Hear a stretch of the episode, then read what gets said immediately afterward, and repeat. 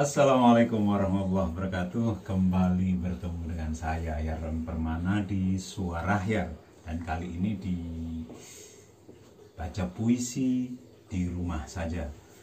Sudah ada tiga puisi yang meluncur dan bisa Anda saksikan. Yang pertama Pulang ke kempit ketiak ibu Kemudian rindu menetap di lubuk sikaping dan deklarasi Nah berikutnya saya ingin bikin serial puisi yang memiliki latar kisah wayang. Saya memiliki sejumlah puisi tentang itu. Nah yang pertama yang akan anda saksikan adalah Amba Memba di matamu. Setiap kali memandang wajahmu terbayanglah Bisma yang terkapar nirdaya di dereluh kurusetra terbaring di ranjang panah lolos warangka. Mautku tinggal berbatas sehelai sutra katanya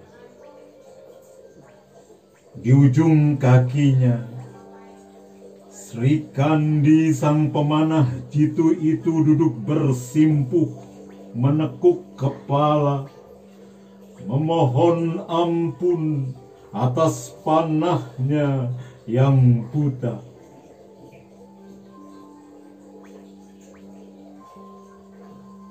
Kebalawati putra Gangga terang bukan molek istri Arjuna karena Sri Kandi cuma raga amba sesungguhnya mengamping di sebalik punggungnya.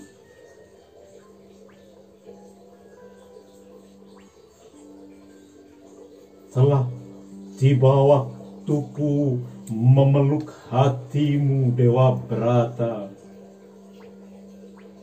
di mata Bisma sang Brahmacari hilang rupa Sri Kandi yang tertinggal cuma amba. Dewi tersia oleh prasetya.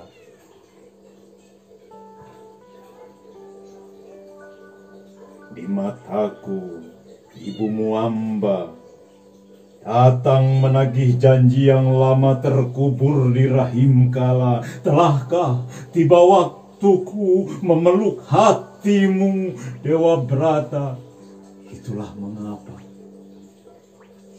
setiap kali memandang matamu, mata ibumu sejatinya ribuan jutaan Miliaran anak panas rasa lesat dari gendewa menyediakan ranjangku sebagai Bisma.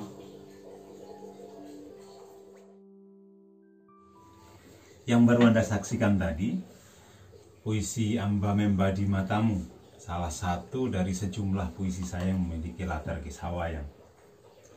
Saya mengambil kisah dari Dewa Brata. Dewa Brata dan Amba ini kisah yang luar biasa. Ada yang menyebut sebagai kasih tak sampai, tapi ada juga yang menyebut kesetiaan seseorang pada janji. Dewa Brata yang di kemudian hari kita kenal sebagai Resi Bisma itu sudah berjanji untuk hidup selibat, tidak menikah sehingga tidak punya keturunan karena dia sudah bersumpah untuk tidak akan mengambil tahta Astinapura.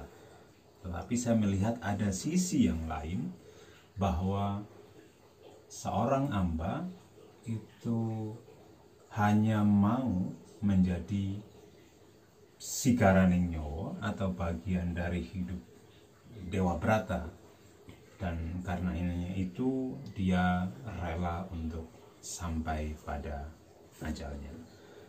Apakah di kehidupan kita sehari-hari mengalami hal yang serupa? Ada banyak orang barangkali yang mengalami hal semacam itu dan di kemudian hari ketemu dengan Dewi Ambanya di tempat lain pada waktu yang lain saya kira itu akan menjadi sesuatu yang mengasyikkan mungkin anda punya kisah-kisah serupa itu silahkan sampaikan di kolom komentar yang ada di bawah ini dan mudah-mudahan kita bisa berbagi di soal itu saya masih akan berlanjut di baca puisi di rumah saja untuk kali yang lain, untuk episode yang lain, untuk hari yang lain. Terima kasih.